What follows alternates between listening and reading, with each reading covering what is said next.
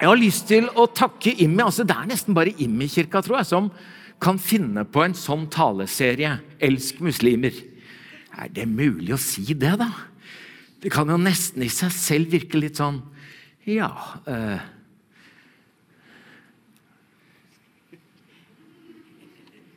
Tenk deg alle de gruppene du kunne ha sånne serier om. Men fordi jeg kjenner hjertet til Immi, så tenker jeg det er noe vakkert. For man har merket en strøm som er negativ, så ønsker man å være med og skape en positiv motstrøm som utfordrer holdningene våre, men også fordommene våre. Og så trenger vi å høre, ikke for å fortelle andre, men for å fortelle hverandre, at vi ønsker i større grad å elske muslimer også i dette landet. Jeg gikk inn på et stort kjøpesenter i fjor før jul og ble helt sånn sjokkert av hva jeg så svære lapper på, på gulvet overalt. Det var sånn 'spre kjærlighet, hold avstand'. Så jeg er det mulig? Vi kan ikke si det. Det er ikke sånn manglende respekt for smittevernregler, men jeg tenker det er det, motsatte alt jeg har lært. Kjærlighet handler jo ikke om å holde avstand. Kjærlighet handler om nærhet, handler om kontakt, handler om intimitet, handler om fortrolighet. Så når jeg så det, så var jeg sånn Jeg er livredd for at dette skal feste seg som en slags sannhet og virkelighet. Og kjærlighet, ja. Ja, det handler om hvor stor avstand vi klarer å holde. Så vi skjønner at covid-19 krever dette. Men vi ønsker at det ikke blir vår virkelighet. Så Geir har selvfølgelig da ikke spurt meg om å tale inn i denne serien fordi jeg på en spesiell måte har levd nært eller arbeidet nært med muslimer, men han skriver i mailen Du har mye gode erfaringer skråstrek historier med å bygge ned murer i møte med mennesker som er annerledes eller utenfor kirka, og tenker at mye av dette er relevant og overførbart. Og så sier han, kan du tale om temaet 'Hvordan bygge ned murer i møte med muslimer'? Jeg likte formuleringen din, Geir. At det går an å tenke at vi tar mursteinene og gjør de om til brosteiner. Sånn at vi kan være brobyggere som bygger bro til muslimer for at Guds kjærlighet skal nå lengtende hjerter. Og det har jeg jo litt erfaring med i det å prøve å forsere noen, noen sånne grenser sjøl. Jeg er jo litt stolt av dette bildet. Jeg har brukt det mange ganger og elsker det for alt hva det er verdt. Selveste husfreden til venstre. Hvem ville ikke hatt en sånn på bordet? Det er fra en uh, pressekonferanse 1992 i juni. Dan Børge Akerø skal bli redaktør-direktør for den nye riksdekkende TV-kanalen. Han skal på lufta den høsten. Han har utfordret meg til å bli pastor på denne kanalen. Jeg kom fra Philadelphia i Kristiansand hadde vært der i over åtte år. Jeg er på denne pressekonferansen og møter et stort pressekorps og er skitnervøs. Og Dan Børge legger ut om denne nye kanalen. Han skal ikke ha noen religiøs avdeling som de hadde oppe i NRK. Han skal ha en pastor på denne kanalen. Da denne pastoren kom fra pinsemenigheten, og han heter Egil Svartdal! Han la liksom opp til en applaus, og så var det virke som om noen slo av lyset. Ble helt stille. Klaus Wies var på jobb for Dagbladet, hånda i vær og roper spydig. Ja, det blir tungetale på TV 2 nå, da! Og jeg tenkte, hva svarer jeg nå? Og så hører jeg Dan Børge si ja, ja, ja, men det blir tekstet. Og det er et av de saligste øyeblikkene i mitt liv. Er det mulig? For pinsedag handler jo ikke om at noen få står og sier noe som ingen skjønner noe av. Men det er jo kommunikasjonsmiraklet de luxe. Den dagen ble folk forvirra for det de forsto. For det var de ikke vant til. Og fordi de forsto, kom de til tro. Og de som kom til tro, lot seg døpe. Og da tenker jeg det skal være en av mine oppgaver i livet. Å prøve å tekste kristen tro, sånn at det blir forståelig for noen flere. Så det kan ha vært, Geir, noe av det du har tenkt på, at det er det jeg har prøvd å jobbe med. Og vi er jo ikke så forskjellige, selv om dere nå spesielt fokuserer inn mot muslimene. Jeg sluttet som hovedpastor i Flaufjellkirka i Oslo i 2008. Jeg hadde gjort TV ved siden av det hele tiden, men nå skulle jeg gjøre det mer på fulltid. Så tenkte vi, hva gjør vi nå? Da lagde vi en serie som vi kalte Pastor på prøve, for da skulle ikke kirkerommet være mitt viktigste arbeidsrom, og heller ikke talerstolen. Så da tenker vi, hva skjer på en arbeidsplass hvis de får en pastor som kollega, som egentlig ikke kan noe som helst? Og det å komme på arbeidsplass og ikke kunne noe som helst, det gjør meg ganske usikker og ukomfortabel. Jeg er helt prisgitt at folk hjelper meg.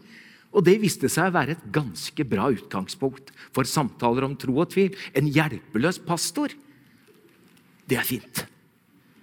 Jeg har alltid båret med meg positiv nysgjerrighet og interesse for menneskers livshistorie. Ja, det er spennende å lese bøker, men det er minst spennende å lese mennesker.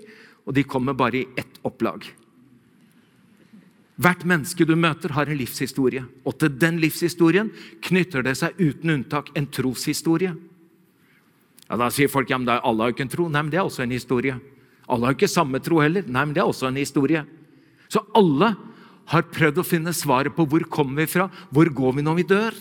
Fins det en mening med livet, og fins det en Gud? Det er en troshistorie, hvilket svar vi kommer fram til.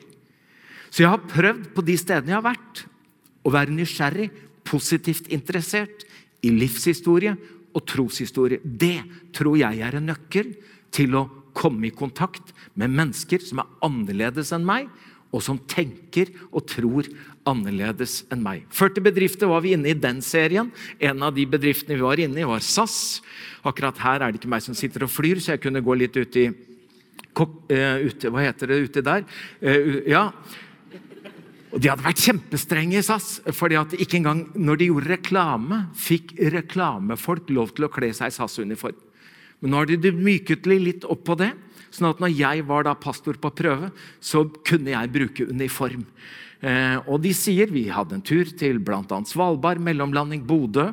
Og de sier Egil, du må ut du også i midtgangen og ta være med på sikkerhetsgjennomgangen. Jeg er ikke helt sikker på hvem som er mest sikre og hvem som er usikre her. Men eh, etter mellomlanding i Bodø så går jeg litt foran dette crewet ned til eh, gaten, og der står det en Avinor-ansatt.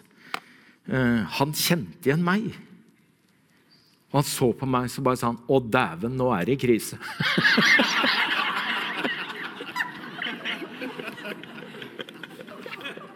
Hvorfor jeg signaliserer dette? Det er sånn at kanskje usikkerheten, kanskje bortebanen, kanskje følelsen av å være utrygg er et godt utgangspunkt for å samtale og dele det andre mennesker også føler seg litt usikre på.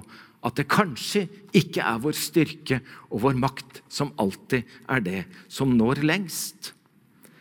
En bra definisjon på hva misjon er, er at misjon er at evangeliet krysser grenser. Og Da snakker vi om geografiske, etniske, kulturelle, språklige og religiøse grenser. Og grenser og forskjeller, det skaper skiller. Og Det motsatte av misjon må jo da være, is, unnskyld, må jo da være isolasjon. Og Isolasjon er jo da at pga. forskjeller så bygger vi murer og stenger dører. Og det kjenner jeg godt igjen. Jeg var eh, på besøk i en ungdomsskole, skulle representere pinsebevegelsen, og spurte i klassen er det noen her som har sett en pinsevenn før. For det er helt stille. Jeg måtte spørre en gang til er det noen her som har sett en pinsevenn før. Så var det ei jente som rakk hånda i været. Og så sier hun ja, så spør jeg henne ja, hvor da? Og så sier hun i garasjen.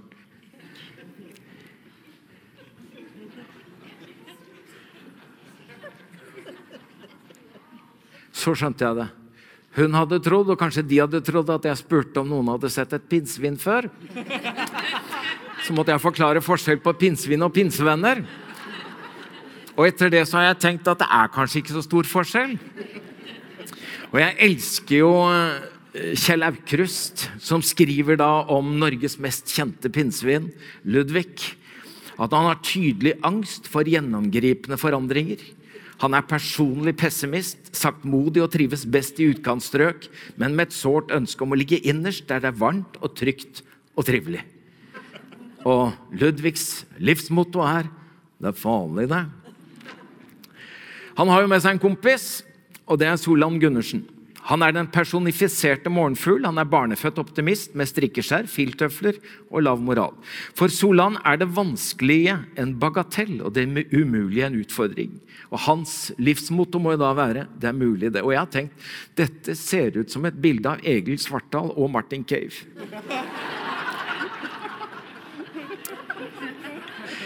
Gjett hvem som er hvem.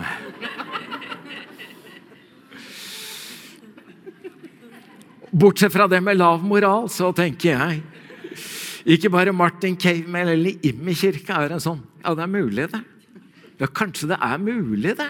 Ja, kanskje det rett og slett er mulig at det kan gå bra, det.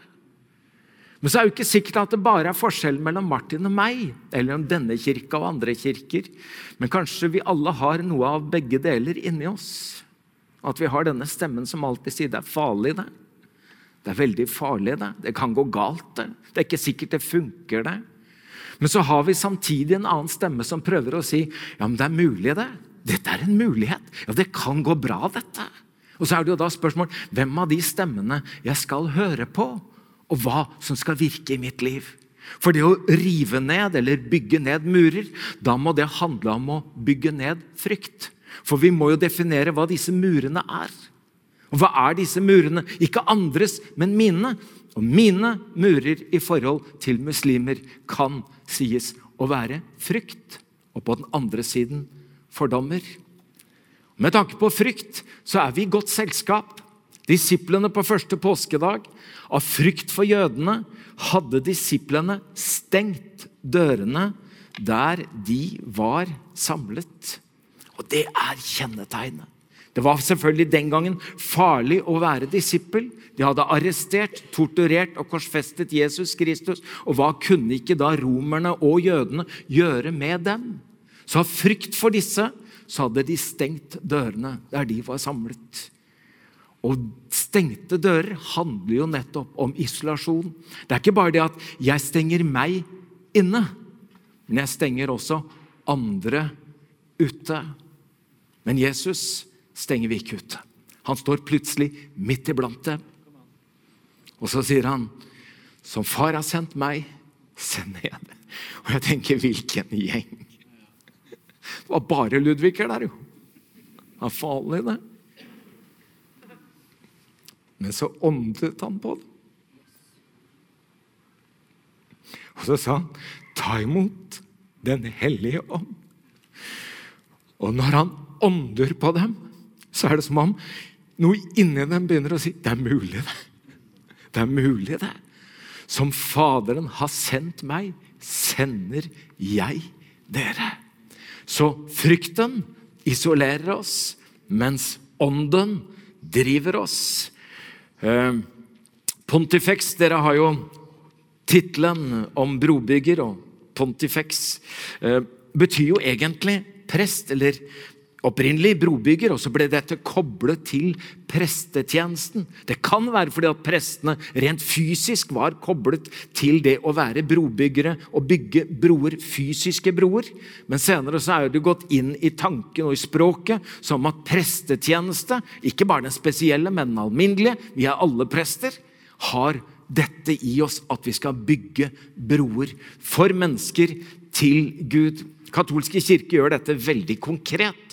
Når du blir innviet til prest i den katolske kirke, så legger du deg flat. Det er det mange andre som gjør også, men det gjør de altfor seint.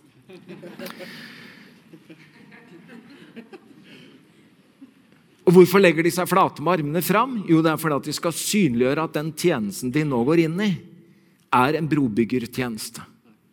Pontifex er brobygger, prest. Det betyr at jeg skal med mitt liv og med min tjeneste skal jeg være en bro for mennesker til Gud.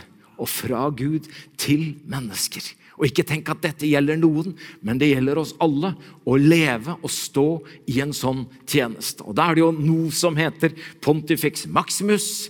Og da er det Maximus, og det er den høyeste prest, eller den høyeste, største brobygger. For ingen har jo bygd bro over et større gap enn han som kom og knyttet sammen himmel og jord.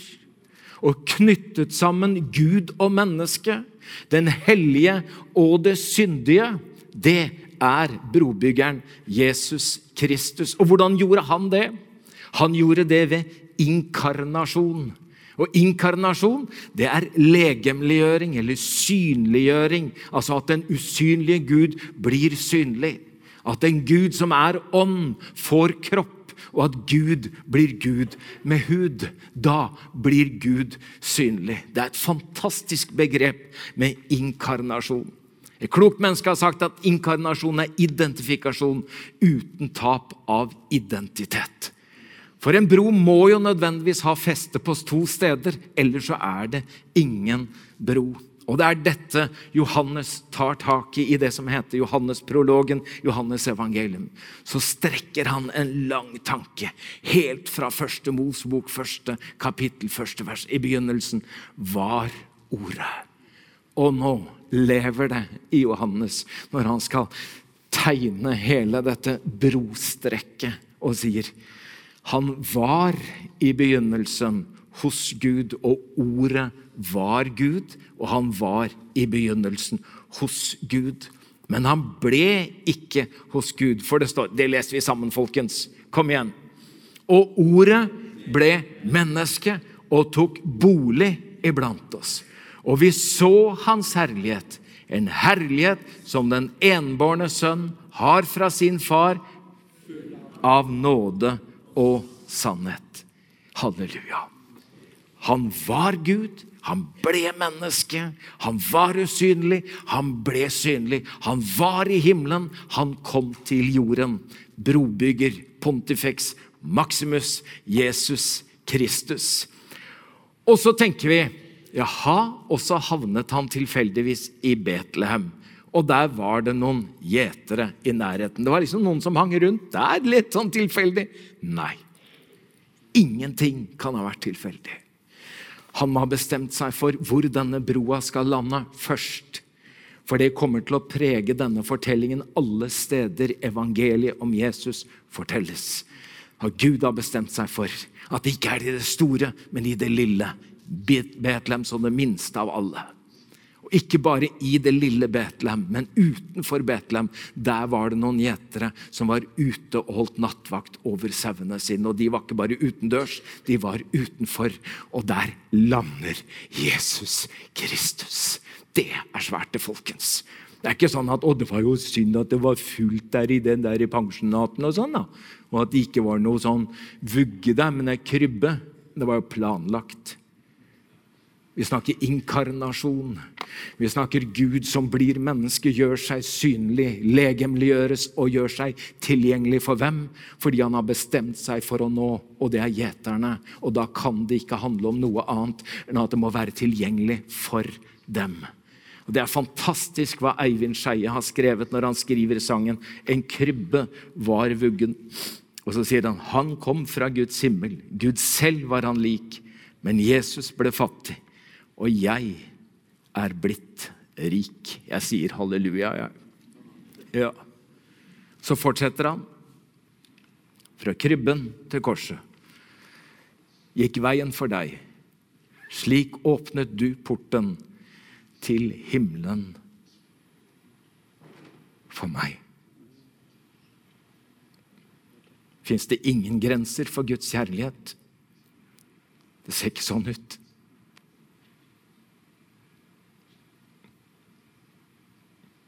Noen tror at nestekjærligheten er det som kjennetegner kristen tro.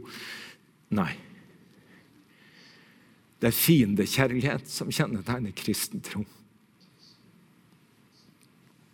Nestekjærlighet det er et, eh, en verdi nesten i alle kulturer og religioner.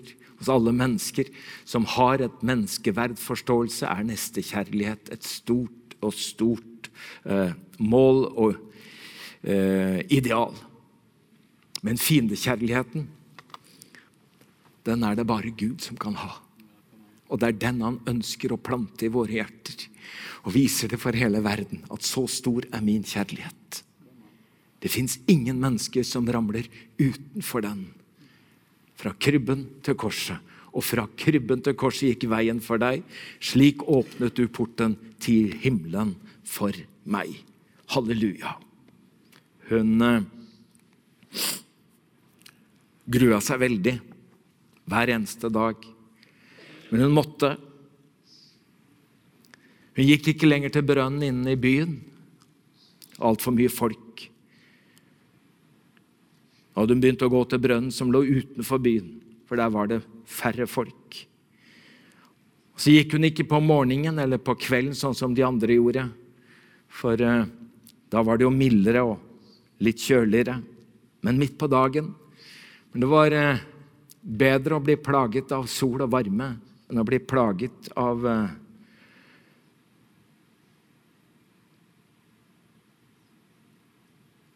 skeive blikk, spydige kommentarer. Den var regna som uren, og en det var lov til å både le av og snakke stygt om. Så ser hun opp og skjønner at i dag er jeg ikke alene. Det er en der. Sikkert en av disse sladrekjerringene. Jeg tror hun stålsetter seg for å møte denne sladrekjerringa som alltid har et eller annet å si. Men når hun kommer nærmere, så ser hun at det er en mann. Og vondt blir verre. Menner behandlet kvinner som om de var slaver og hunder. Og så ser hun det. Han er ikke bare mann, han er jøde. Og jødene så på samaritanerne. Nesten sånn som nordmenn så på tyskerunger og tyskertøser både under og etter krigen. Og hun kjente at det svei. Hva kommer nå? Og hun var forberedt på det verste, for hun visste at samaritanere var i jødenes øyne feil folk med feil religion. Hun kjente ikke denne mannen, men hun kjente typen. Hun holder på å miste krukka Når denne fremmede spør Kan du gi meg noe å drikke? Jeg er så tørst. Han kommanderte henne ikke som om han var en slags general. Og han kjeftet ikke henne på, henne, på henne som om hun var en hund, men han snakket til henne med respekt, nesten som om han var sårbar og trengte noe av det hun hadde? Hvordan kan du som er jøde, be meg, en samaritansk kvinne, om å få drikke? For jødene omgås jo ikke samaritanere. Og det øyeblikket blir et slags livsforvandlende øyeblikk. At denne mannen trenger noe som hun har at hans svakhet og sårbarhet gjør at hun våger å møte han med sin egen lengsel og sårbarhet. Og det blir til denne livsforvandlende samtalen i hennes liv. Han begynner etter hvert å snakke om en annerledes vann, og hun kjenner igjen den tørsten. At det er jo ikke bare tørsten etter dette vannet nede i denne brønnen, men det er denne tørsten som hun har kjent i hele sitt liv. Men som hun trodde ikke var mulig å slukke. Og så sier hun, 'Kan du gi meg dette vannet?'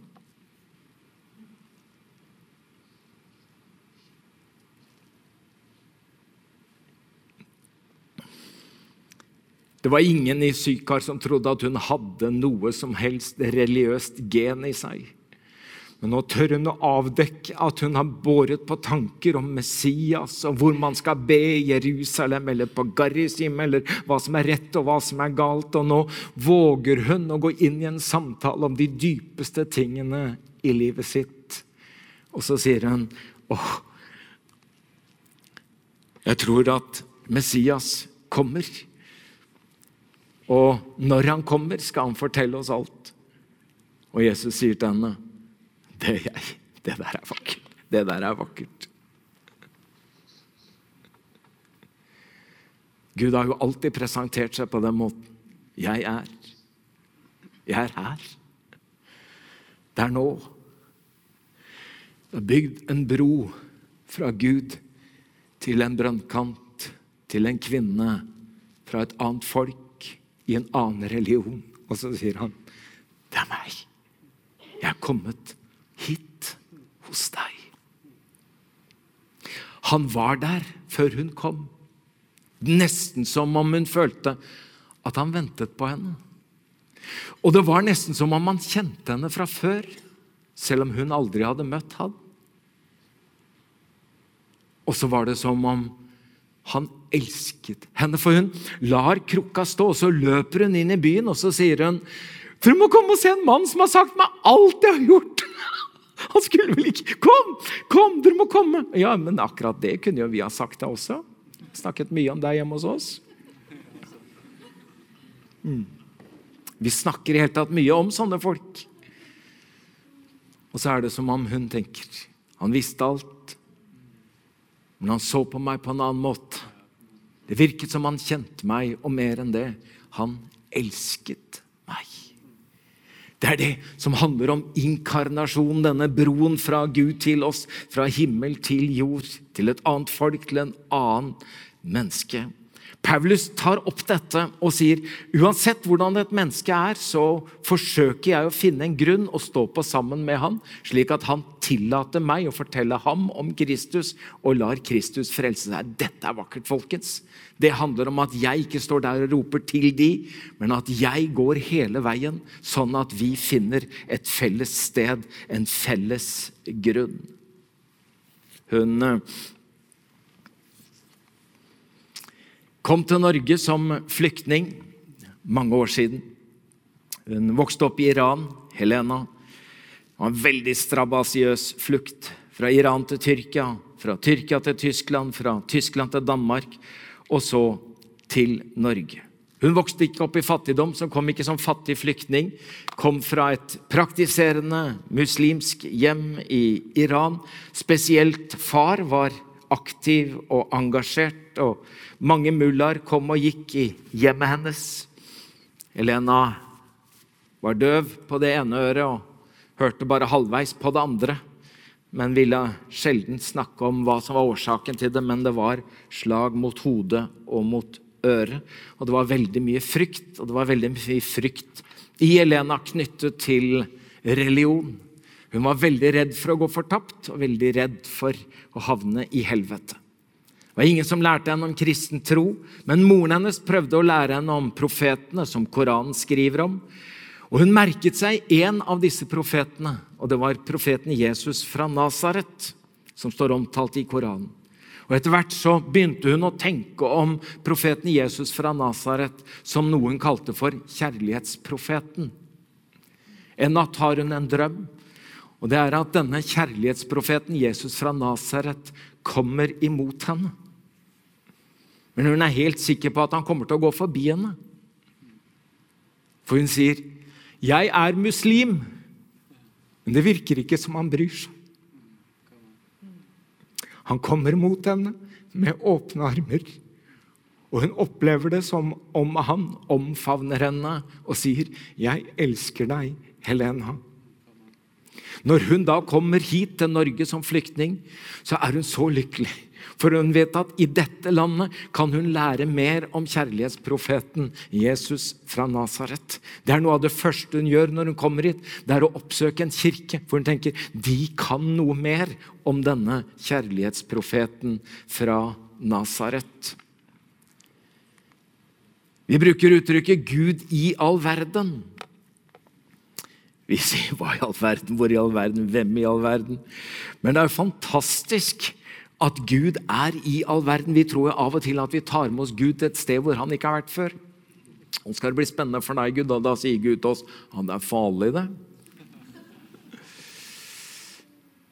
Men vi vet jo at etter pinsedag fins det ikke et gudløst sted. Og det fins ikke et gudløst menneske. Og Det å lese i apostlenes gjerninger handler jo om ikke bare å lese hva apostlene gjør, og at Gud velsigner, men hvordan Gud arbeider, og så kobler på de ulike apostlene inn i det Gud allerede gjør. Så det vi ser, det er at Gud er i all verden. Og en natt så får Paulus et syn. Han så en makedoner som sto og kalte på han og ba. Kom over til Makedonia og hjelp oss. Vi har allerede hørt om Makedonia her, og det er noen som har hørt det ropet. Og da han hadde hatt dette synet, forsøkte vi straks å komme til Makedonia, for vi skjønte at Gud hadde kalt oss til å forkynne evangeliet der. Det der er vakkert. Truls Aaklund har sagt at kallet til å gå er samtidig et kall eller en invitasjon til å komme der Gud allerede er. Amen. Og jeg tenkte at vi denne kvelden skulle tenke og be og stille oss inn for dette kallet. Kanskje ikke det er fra Makedonia, kanskje det ikke engang er fra et annet land. Kanskje det er fra en muslim på jobben, kanskje det er fra en muslim over gangen. Kanskje det er fra en muslim som vi kjenner eller ikke kjenner. Men det finnes et rop, et kall, for Gud er allerede der og ønsker å bygge en bro fra deg og inn i det menneskets hjerte og inn i det menneskets sjel. Så jeg måtte male om den der plakaten. Jeg beklager det. Det er ikke manglende respekt for smittevernreglene, men å spre kjærlighet, det må handle om å komme nærmere.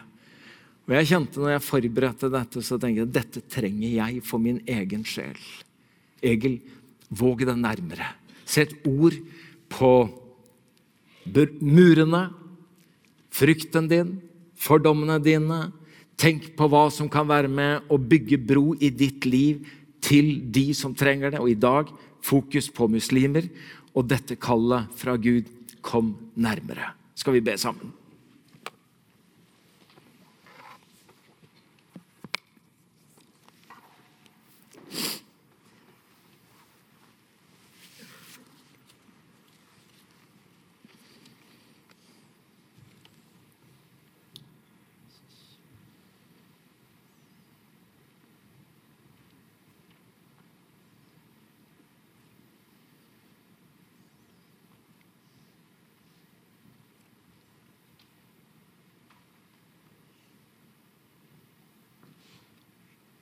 Herre, jeg takker deg for eh,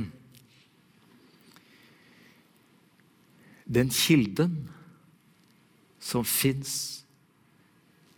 både i vårt liv, men også i denne kirka. Og Jeg takker deg for det fokuset som er satt i denne taleserien, som jeg tror du har en dypere tanke og en større, større plan for.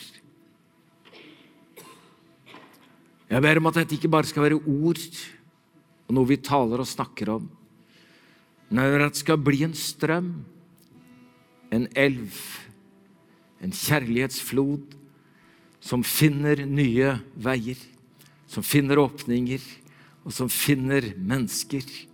Og jeg ber om at du skal virkelig øse ut denne kjærlighetens ånd i våre hjerter.